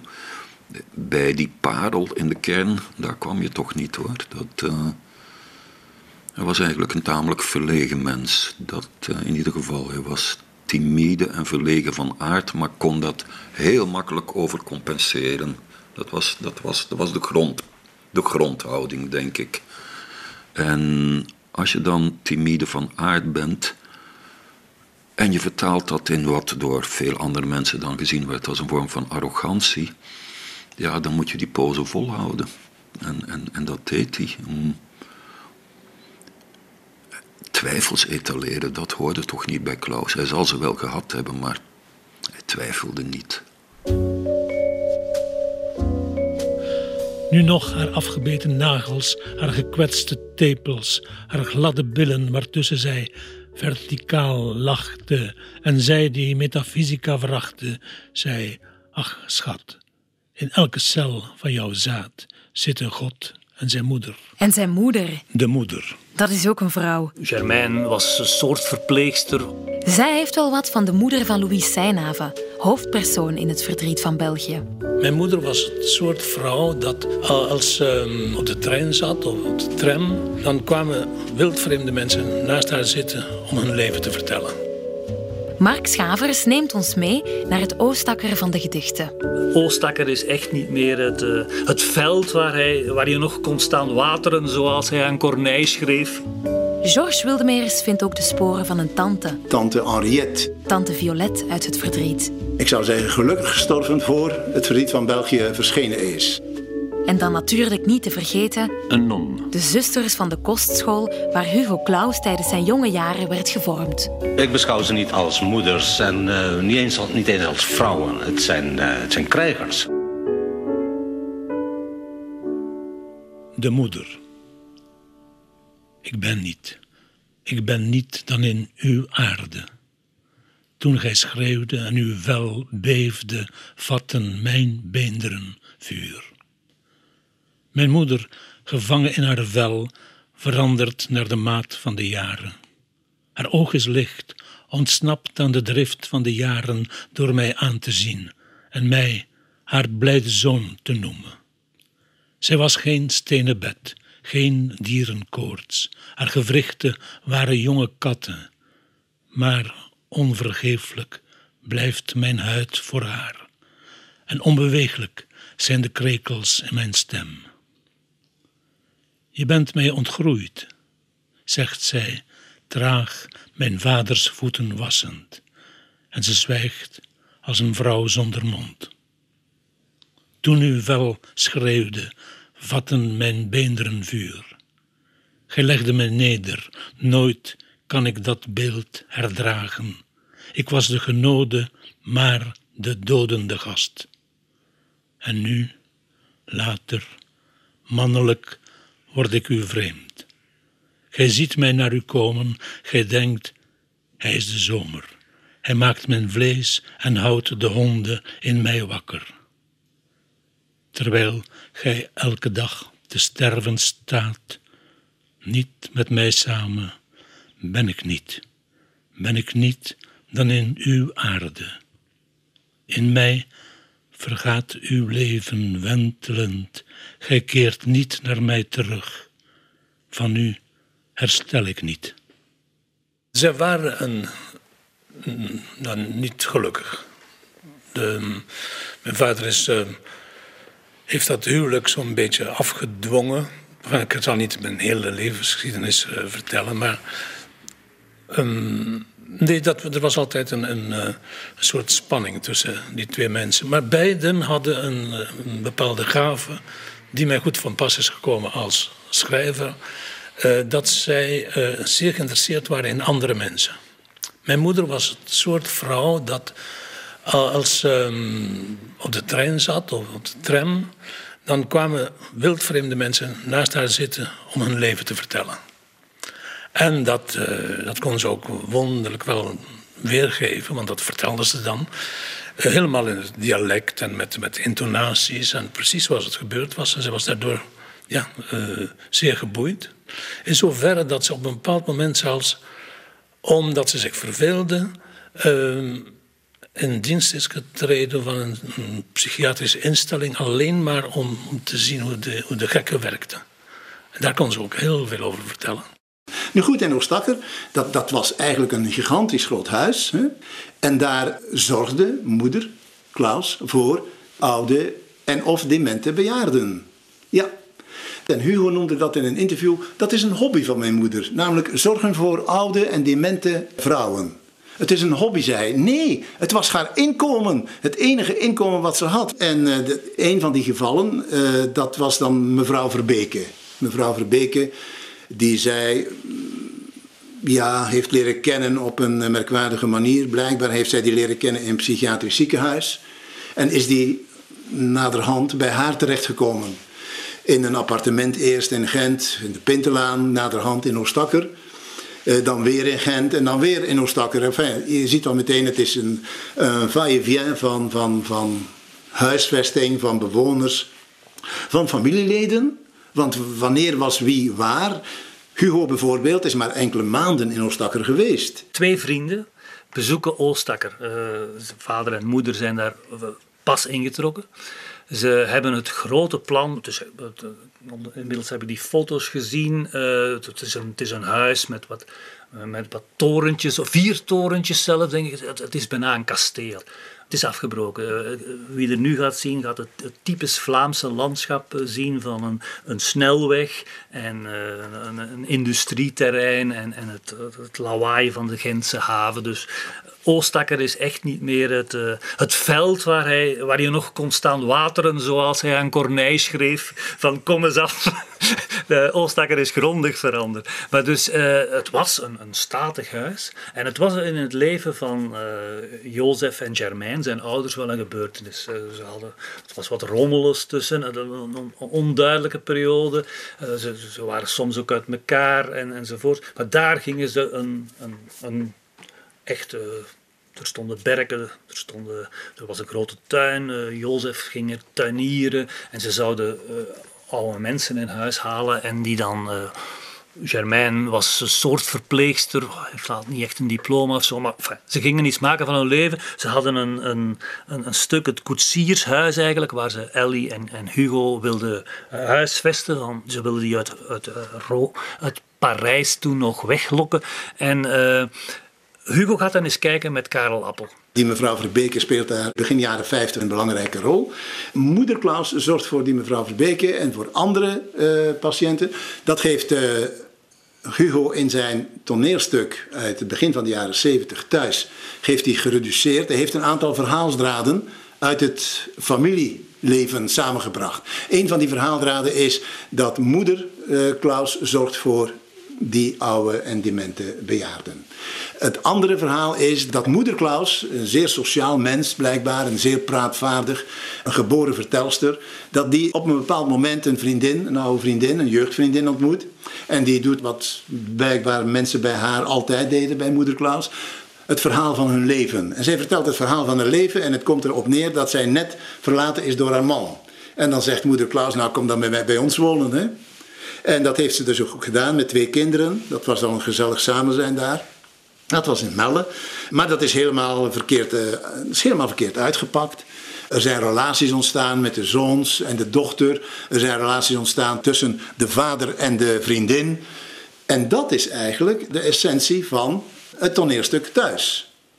En daar heb je dan vader Klaus. Hè? En die zit daar gezellig op de vijfde of op de achtste of op de tiende rij. Het verhaal van Hugo varieert wat dat betreft, dat zijn details. En die glundert en die ziet daar zichzelf opgevoerd worden als, ja, als, een, ja, als een zielige ja, macho misschien. Maar misschien is dat een te groot woord voor wat hij eigenlijk was. Uh, als een zielige figuur. Hij... Uh, luistert uiteraard niet naar zijn vrouw. Wat zijn vrouw te vertellen heeft, dat doet er niet toe. Maar wat uh, zijn zoon te vertellen heeft, dat vindt hij wel interessant. Want zijn zoon is net aangekomen met een jongere dame. En die jongere dame, dat, dat zegt hem wel wat. Nou goed, de wederwaardigheden van het stuk, die hoef ik niet na te vertellen. Maar het is wel zo natuurlijk dat op dat moment vader Klaus ziet wat er eigenlijk in zijn leven op een bepaald moment van zijn leven, enkele jaren van zijn leven, totaal fout is gelopen. Met die mevrouw Verbeke, met die oude dame, maar ook met, met andere dames. Wat allemaal fout is gelopen. En hij glundert. Het, het, het, hij is als een eend. Het, alle, alle, het, het druipt allemaal van hem af. En tegen de, hij, hij vindt het gewoon fijn. Hij vindt het bijzonder fijn dat hij de hoofdrol mag spelen in zo'n stuk.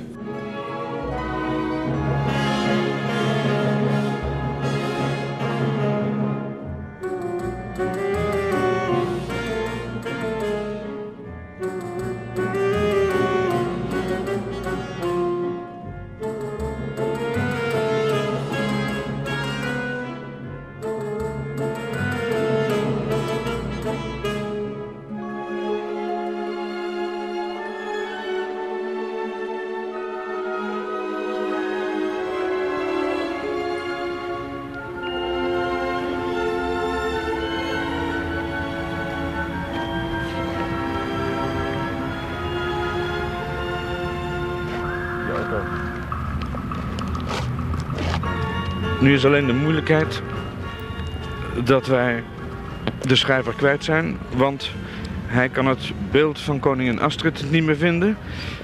Het beeld wat ook toen ik het boek las een soort enorme machtige indruk leek te maken, ziet er in feite een beetje minabel uit. Astrid in die tijd, dat was nog altijd de, de zwaan uit het noorden die hier zo jammerlijk haar einde vond. En tante Violet, die was heel dik, een, 125 kilo. En ik geloof dat in haar stille momenten dat ze toch een beetje vereenzelvigde met deze mooie koningin in het wit. Wie ze is, dat, ze is de zus, de liefste zus die uh, zijn moeder had, Germaine. Henriette, die, ze waren heel close, die twee. Henriette en Germaine. Maar het verhaal van Hugo en de verbinding met tante Henriette is dit. Zij kwam psychisch, mentaal in de knel te zitten. Zij heeft op grond daarvan, zegt Hugo zelf, obesitas gekregen. Ze is zwaarlijvig geworden en op grond daarvan heeft ze nooit een man gekend. Is ze altijd verliefd geweest, ook op pastoors. Na de oorlog was zij haar werk kwijtgespeeld. Ze gaf les in Astenen. Dat, ze is dat werk kwijtgespeeld en toen zat ze zonder, zonder inkomen, zeg maar. Toen heeft ze een advertentie gezien en een blaadje dat heette Het Boerke. Ik heb het weer over het archaïsche Vlaanderen van 100 jaar geleden. En daar stond een advertentie in van een pastoor uit Brussel. Merkwaardig genoeg, dat was in de streek van Deinzen waar ze woonden. Maar in Brussel zocht een pastoor een secretaresse, huishoudster, iets van dat. En daar is zij op, eh, ja, dat, dat heeft zij, heeft zij uh, haar kandidatuur ingediend. En uh, zij is daar gaan werken in de pastorie van de man die toen de verantwoordelijkheid had voor de basiliek van Koekelberg. In Hansgoorn denk ik dat het, de pastorie gevestigd was. Dat is eigenlijk het verhaal achter het familiefeest wat gehouden wordt in uh, omtrent TD. En daar is wat verkleedpartij gebeurd. En die verkleedpartij die heeft Hugo dan weer tot een verhaal gemaakt.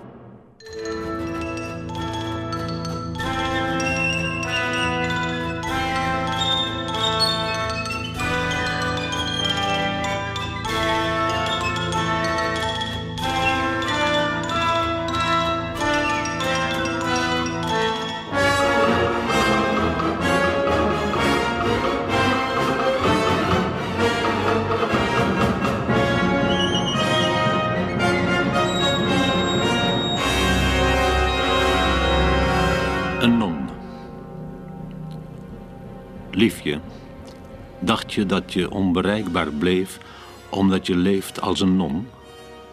Ik blijf de schaduw die op je tenen trapt.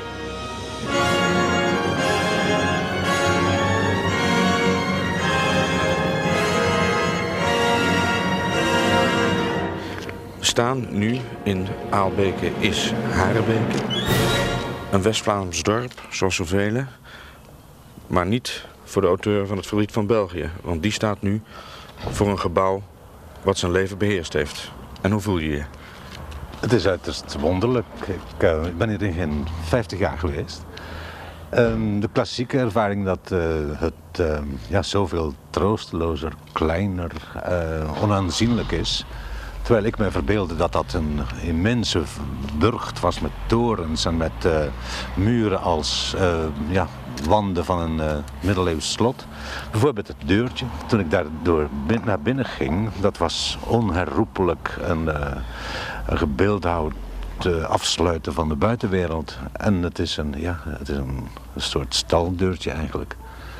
De mythe zegt dat je 18 maanden was toen je hier naar binnen kwam. Maar dan kon je nauwelijks lopen. Maar hoe oud was je nou? Nee, ik was 18 maanden. 18 dat, maanden. dat kan je aan mijn, aan mijn moeder vragen. Ja? Ja. En uh, ja, natuurlijk kon ik nauwelijks lopen, want uh, ik, ik, ik moest ook als een baby behandeld worden.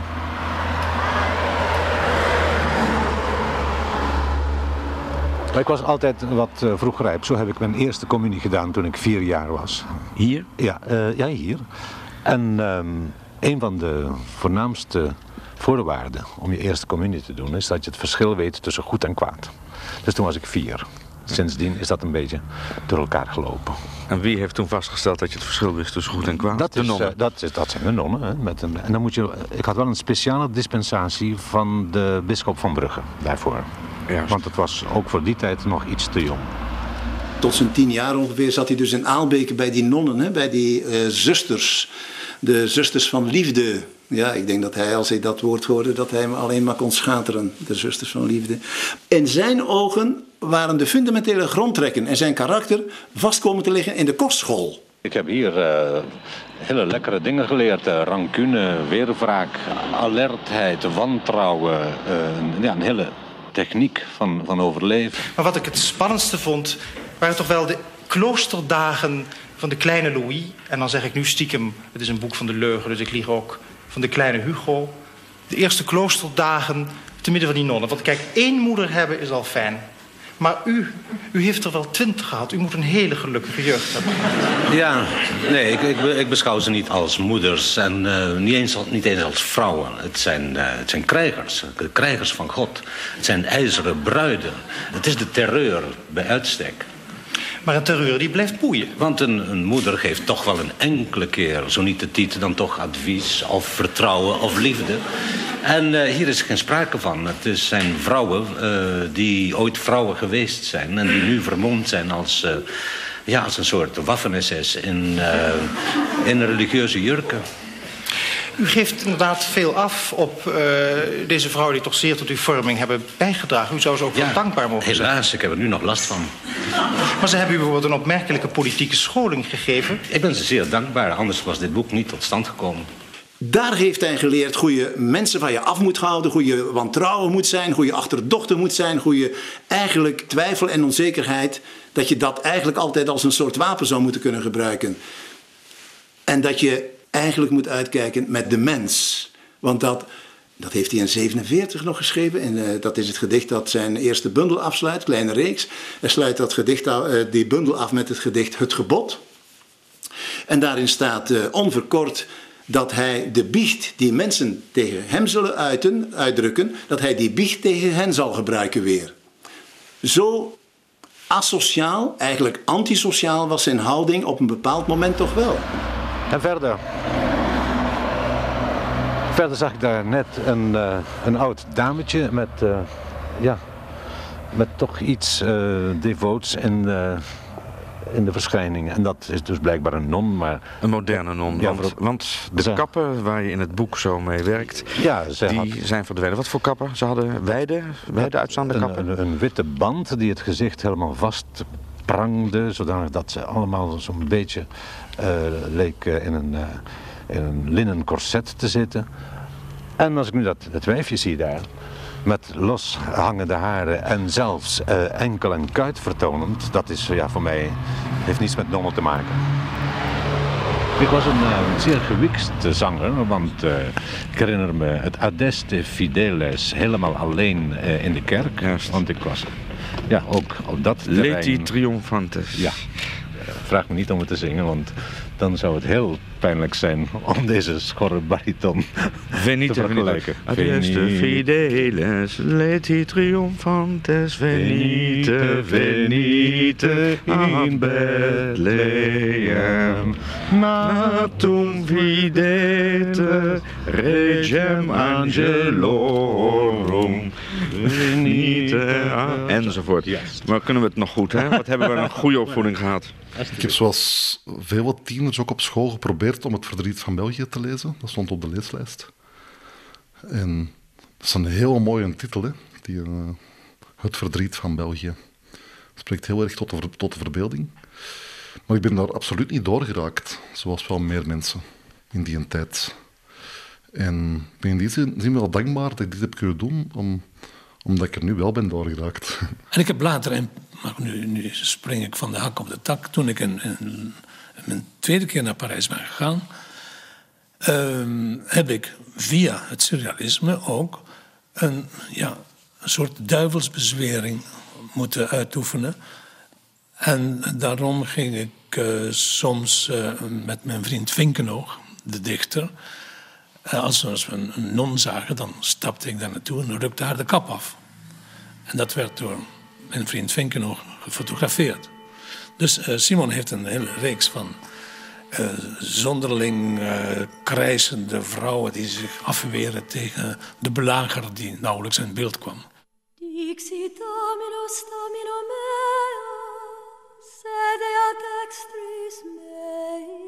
Zuster Sint-Gerolf, haar naam is Georgine.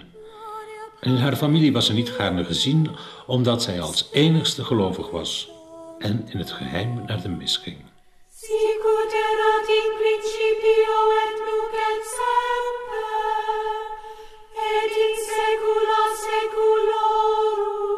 Het is wel, het is een, het is een, uh, een fragment, gewoon al hoe, het begint met... Ja, er zit heel veel actie in, dat is uh, prettig natuurlijk. En het, het, klinkt gewoon. Vanaf het begin is er, uh, er, zit, er, is gewoon, er zitten ook heel veel referenties in naar, naar, naar klank en naar hoe dingen klinken. Uh, het zindert heel erg. En er zit ook te, uh, een theatraliteit in. Dus een, een, aantal jonge gastjes die al sluipend en al klimmend en, ja, het slot proberen binnen te dringen. heel spannend, heel theatraal gegeven. Met een heel verrassende uitdraai. Vliegen vlijt zich tegen Bittebiers borst. Het is obvious, hè? Vliegen vlijt zich, vliegen vlijt zich tegen. Vliegen vlijt zich tegen Bittebiers borst. Bittebiersborst, bittebiersbuik, bittebiersborst, bittebiersbuik. Perst zijn heup, vlijt zich. vlijt zich. Ja, we zijn weer van vlijt zich. Van morgen vertrokken. Misschien, misschien nog eh, een beetje meer binnentrekken binnen het universum van, van Louis Seynhaven. Die, eh, die vertelt dit. Mhm. En die heeft die zinnen gezegd. En ik van, god ja, dat is nu even, even een, een, een muzikale benadering van wat ik nu juist verteld heb. Ja. Snap je?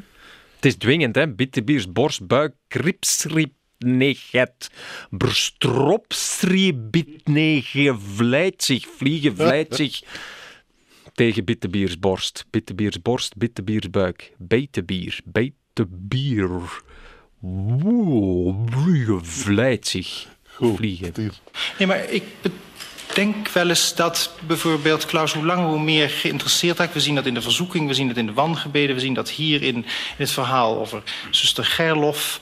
eh, een soort hang naar mystiek, dat ik denk... dat de schrijver ook nog tijdens het concipiëren van dit werk... eh, wat is het? Zesmaal verhuisd in vijf jaar. Hoe langer hoe meer aardse goederen... verlies misschien wel eindigt als een zuster Hadewieg... Ikzelf? Ja? Ik, eh, ja, ik verkleed me vaak als non. Eh, maar eh, dat is natuurlijk mijn, mijn grote wensdroom. Maar mijn hang naar mystiek, dat, ja, ik denk dat het iets is wat, wat alle mensen hebben. Als het maar een gezonde pendant heeft in het vulgaire, ordinaire, smerige, moerassige... wat, wat een tegenwicht vormt. En dat tegenwicht komt tot uiting? Ik hoop het. Dat, ehm, dat is een soort yo-yo-beweging tussen de, de Alpen... waar de ijle liefde heerst... en eh, de, ja, de lava van mijn eigen smerige inborst. Die smerige inborst, hè? Eh, zou, zou uw eh, belangstelling voor nonnen... die toch in zekere zin hysterische vrouwen genoemd mogen worden... in al hun tekortkomingen die ze moeten ondergaan... in hun bruiloft, een geestelijke bruiloft die zo weinig gerief biedt... Eh, zou uw eh, belangstelling voor hysterische vrouwen bijvoorbeeld ook in het dagelijks leven een zekere rol spelen? Ik denk, en dat is een onaardigheidje, bijvoorbeeld uw, uw, uw eh, affaire met La Christelle, die we binnenkort als Matahari op de planken kunnen gaan zien. Ja, zij was natuurlijk de non bij uitstek. maar natuurlijk, ehm, die, die belangstelling voor de hysterie kan alleen maar komen... omdat het de, het hysterische wijf in mij wekt. Niet waar? Ja. Ik geloof dat de schrijver een aantal eh, demonen heeft in zichzelf. En eh, een van de meest eh, ja, prominente bij mij is... Ik heb daar een soort beeld van. Van een, een, een dikke, woedende, razende non. 1. Bittebier. De forse apostel. Zakt door de knieën, kruist zijn handen. Daarin plaatst Vliegen zijn naakte voet. Vliegen vlijt zich tegen Bittebiers borst, perst zijn heup tegen Bittebiers buik. Dan legt de boerse bittebier zijn wang, zijn oor tegen Vlieges dij. En hijst de jongen nog hoger tegen de muur. Vliegen vindt de vensterbank, trekt zich op, klimt langs de verroeste pijp, slingert zich op het balkonnetje. Gelukt! De apostelen beneden verwachten een gil die door de nacht zou scheuren. Een plotse aanval van verborgen nonnen. Oorvegen, hulpgeroep. Maar de nacht verroert niet. Krekels. 2. Vanaf het balkonnetje als van onder een baldakijn op het Sint-Pietersplein in Rome, maakt Vliegen een zegenend gebaar naar de bewonderende gelovigen aan zijn voeten. Dan, gauw, hoewel er streng bepaald is dat niemand één woord mag zeggen tijdens de hele aanval. Gauw, gasten! Tondijnen. De apostelen lopen achter elkaar dicht bij de muur. Bittebier op kop, de wenteltrap op, tot voor de verboden deur van het verdoemde slot.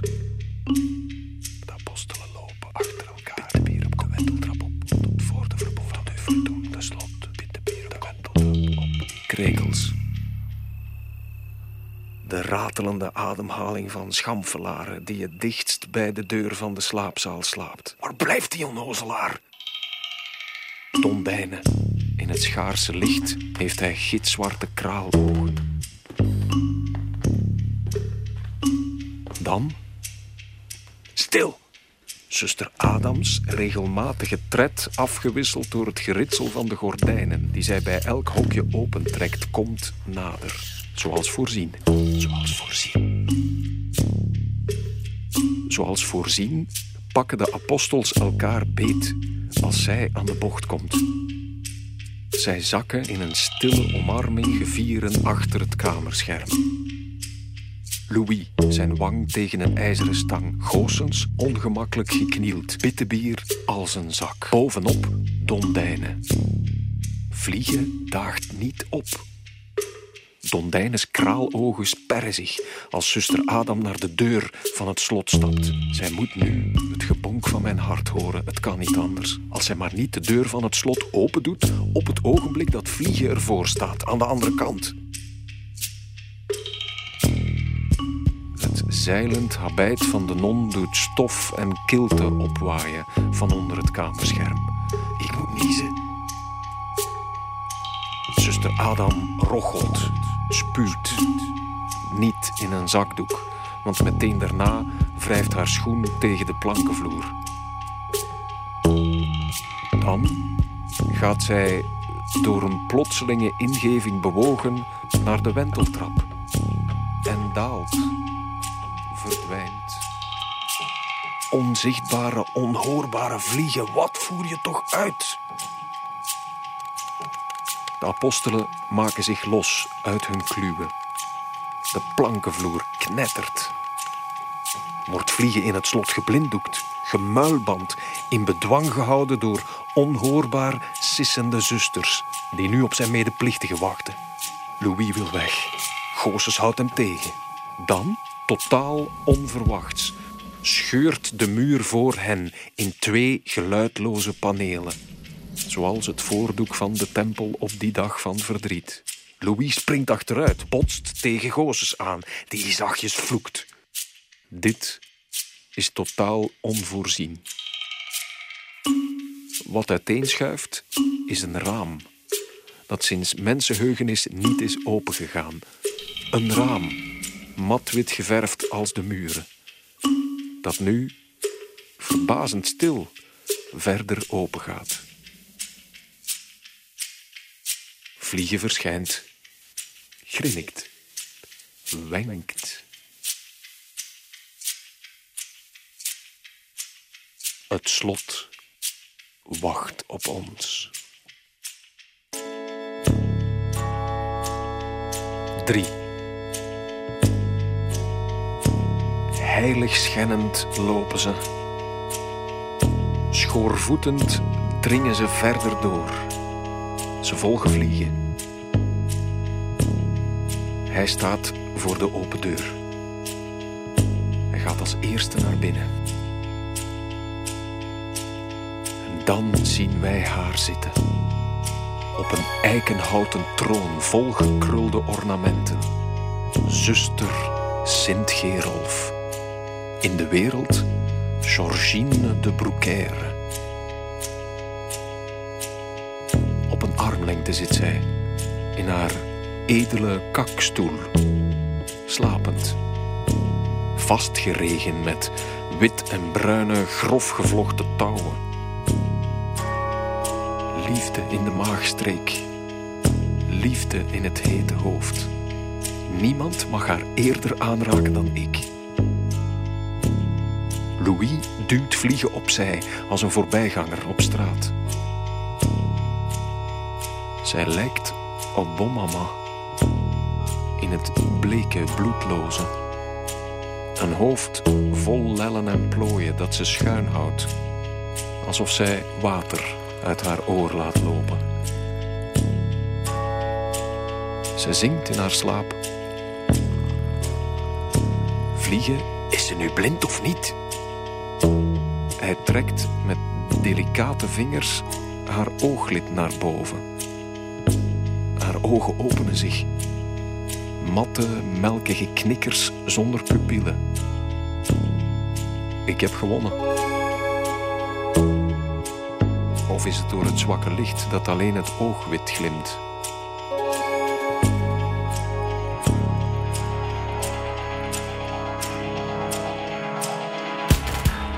Zuster Sint-Gerolf wordt wakker. Met een elektrisch schokje. Zij kwijlt. Zoekt links, rechts. De bloedloze vingers graaien. Zij snokt aan haar touwen. Zuster Sint-Gerolf? Ja, zuster.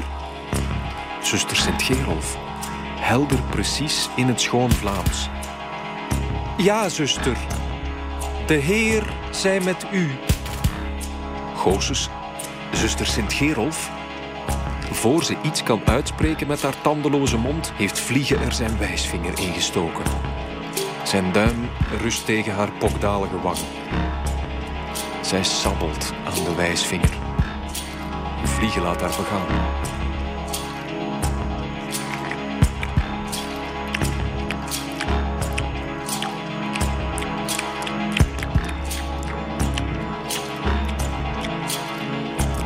Het geslobber verloopt vredig.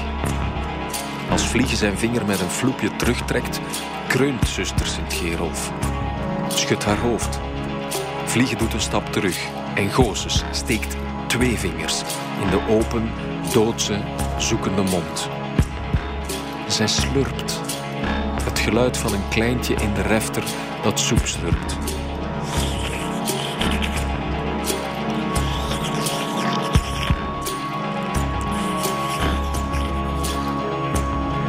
Nu ik, uit de weg. Bittebier. Zijn stem te luid, te vreemd. Zuster Sint-Gerolf tracht haar lijf op te heffen. De touwen glimmen, spannen, kraken. De stank van de zwavelgassen brakende hel verspreidt zich snel in het kamertje.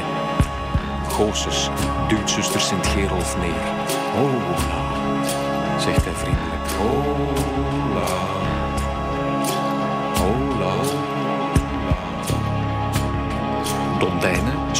Dichterbij. Wij moeten haar om haar zegen vragen. Hottentot, zusters mogen niet zegenen, zij zijn niet gewijd. Wij mogen helemaal niets. En dat is maar goed ook, bittebier. Dat is waar. Zuster Sint-Gerolf. Op haar smal ijzeren bedje een witte gehaakte sprei.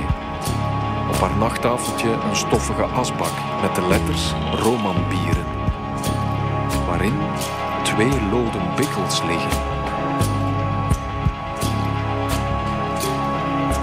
Louise deelt er een, zonder dat iemand het merkt. En dan, achteloos als op bezoek bij een tante, wij mogen niet te lang blijven, zuster. De Heer zij met u, zuster. Zij gooit haar lichaam naar voren. De troon en de stank wankelen. Zij bijt met haar naakte tandvlees naar onbestaande vingers. Ik zweer dat wij terug zullen komen. Dondijnen bij de deur. Het is tijd. De apostelen stoten elkaar aan. Trommen bij de deur. Rennen in de koele, naar kalk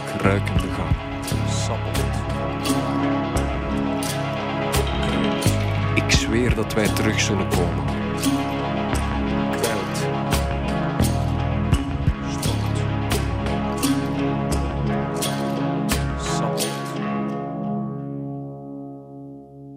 Zuster Sint-Gerolf uit het verdriet van België door het Nieuwstedelijk met Jurgen Delnaat, Joris Kallewaard en Adriaan van Aken. Speciaal gemaakt voor deze radioreeks over Hugo Claus. Vond je het leuk om naar te luisteren? Je kan alle afleveringen downloaden of podcasten via clara.be. En je kan ook een spoor achterlaten op klaus.clara.be. Eh, aan de linkerkant heb ik gezien is nog altijd de patisserie waar op een beklemmend moment als zuster Sint-Gerolf gestorven is, dat de moeder zegt, ga eens, e- dat de grootmoeder zegt, ga eens even wat nonnenscheetjes halen. Waar leidt Klaus verdriet van België nog zoal naartoe? Naar zijn vader en naar de oorlog. Waar zette Klaus zich tegen af? Wie waren zijn helden? Tot volgende zondagavond om 6 uur. In winter their lips sleep. In spring they lie flat at the first warmth. Misschien als ik het lees, dat ik het wel nog zo Ja, misschien. Asperges zijn meestal heren, meerderjarig, meerderjarig en gaarne samen. Oprecht, rechtop, klaargestoomd. En dan glijdend in haar mond. kraaiend onder de douche over jou alleen. Voor één keer werd mijn gezond verstand. Zo waar als de bliksemsnelle wens tussen kermen en het geluid van kermen. Ik ben uitgehold. Ik dans alleen. Dat de planeet zal vergaan. Alleen door wat ik denk, als jij mij dekt. Ik zie weer het veel heiren daarvoor. Ja, inderdaad. Ik ben persoonlijk aan het ehm, vrij seksuele, seksueel getinte be- eh, gedichten zijn. Ik denk iets meer dan vrij. Een raar gedichte. Iets dat je niet kunt in de klas geven. Het spijt me, meneer Klaus, dat de tijd zo vlug voorbij gaat. Ik had u nog zeer veel willen vragen, maar ik ben toch al blij dat u ons vandaag dit bezoek hebt willen brengen en dat we bij gelegenheid van eh, die verkiezing door de luisteraars in ons literaire prijskamp ons de gelegenheid gegeven hebt eens nader met u kennis te maken. Ook niet alleen met uw werk, maar met u persoonlijk. Nog eens hartelijk bedankt, Klaus. Wel, ik dank u ook en ik groet hiermee alle Kortrijkse luisteraars. Dank u. Ontdek ook onze andere podcasts via clara.be. Clara Podcast. Blijf verwonderd.